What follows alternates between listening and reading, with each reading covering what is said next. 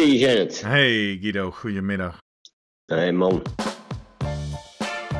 Welkom bij deze bonusaflevering van de Slimmer Presteren podcast.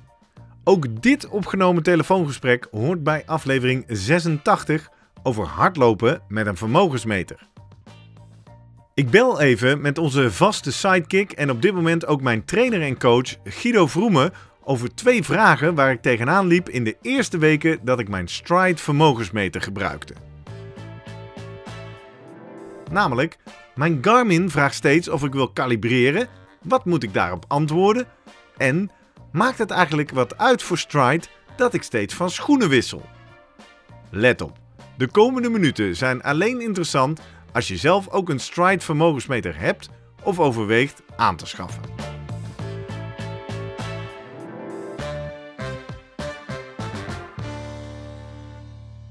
Ik uh, ben lekker aan het lopen, joh. En dan loop ja. ik over van alles na te denken. En ik denk, nou, ik zal eens even wel... Uh, dan ga ik eerst heus wel googlen, hoor. Ja. Want uh, ik denk, ik zal het even zelf uitzoeken. Maar ik kwam met ja. al die vraagjes er niet zomaar uit. Nee, ja, dan moet je het mij vragen natuurlijk. Ja, hè? jij weet het meteen. Ja. Ik heb dus altijd, als ik mijn Garmin aanzet en dan zet ik hardlopen en dan zet ik die workout. Dat werkt trouwens ook echt super, hè, met die Training Peaks. Workout erin. En dan na uh, ergens uh, 30 seconden of zo zegt het ding: Wilt u de stride kalibreren? Ja of ja. nee? Ja, en dat, moet, dat, is, um, dat is een optie die zit in Garmin. Ja. En die moet je uitzetten. Dat is de auto calibration optie. Ja. En eigenlijk is dat um, om te kijken, als je, normaal gesproken, dat staat ook op hun website van Stride, is die, als je hem koopt, is hij gewoon accuraat. Hij Ja. werkt en hij meet goed. Ja. Maar het kan best wel eens zo zijn dat hij niet accuraat is. En dan heb je de optie om hem te kalibreren. En dan moet je eigenlijk, moet je dus een, ja, zij zeggen dan, je moet eigenlijk een, een stuk weg hebben wat open is, zonder bomen, gebouwen, wat rechtdoor gaat, wat vlak is. En daar loop je gewoon precies een afstand die je wilt lopen. En daar kun je op kalibreren. Ja. Maar als je hem op autocalibratie zegt, dan zegt Garmin gaat dat steeds elke keer doen. Ja. En als je dan geen goed GPS-signaal hebt, dan gaat hij natuurlijk andere dingen doen. Ah. En ik heb ook niet de hele tijd nu op vlakke rechte wegen gelopen. Nee. nee. Nee, Dus het is de Garmin die dan je vraagt of je tijdens het hardlopen dat hij automatisch nog even gaat checken met zijn GPS of, alle, ja, of, de, of de calibratie nog klopt. ja, of de, zeg maar de, de, de, de metingen die de Stride doet, Ja. hè, die weet hoe, hoe groot je paslengte is, dus die weet op een gegeven moment ook dan hoe ver of wanneer je een kilometer hebt gelopen. Ja. Of dat eh, nog steeds, als, als dat eh, ja, normaal is, dat gewoon goed. Ja. En als je denkt, ja, dat klopt niet, dan moet je hem kalibreren. En Garmin gaat dat dan elke keer weer doen, omdat je dan denkt, nou, weet je, maar dat wil je niet. Nee, en dus dan moet ik uitzetten in mijn Garmin settings. Ja, Helder. ja, dat zit daar ergens. Tweede vraag, ook over Stride. Ik Ja. eh, ben, zoals diverse mensen aanraden, lekker aan het wisselen van schoenen. Goedkope schoenen, af en toe een beetje medium dure schoenen. Ik bewaar de allerduurste superschoenen nog even voor later om de vruchten te plukken.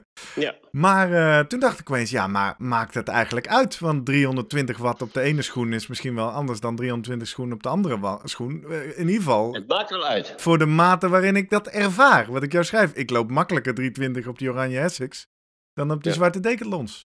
Ja, het maakt wel uit. Het is natuurlijk niet 10% of zo. Nee. Ehm, maar ik heb dat wel met die, eh, die, die Nike, eh, met die carbon zolen, ehm, heb ik dat wel ge- getest. Ja.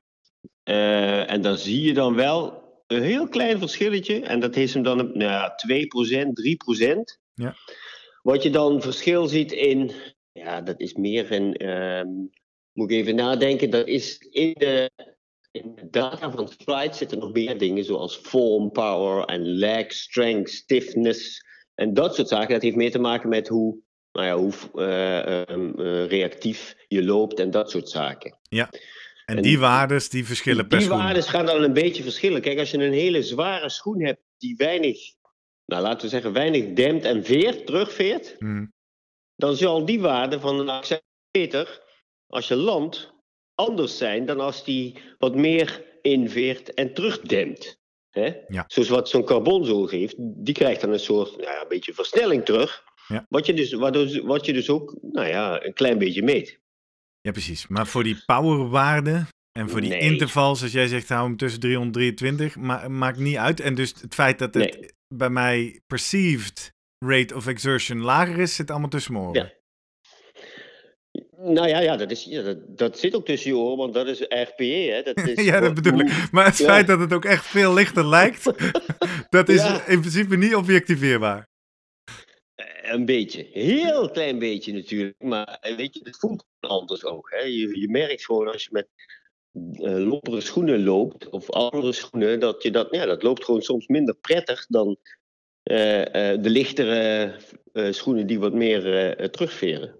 Helder. En dus voor Ja. de trainingen nu, maakt niet uit welke schoenen ik aantrek. Nee, voor de trainingen kun je gewoon van alles wisselen. Het liefst gewoon wat meer variatie erin. En dan wat die schoenen, dan wat die schoenen. Dat is het des te beter. Helder. Nou, daar waren de, daar waren de twee stride-vragen.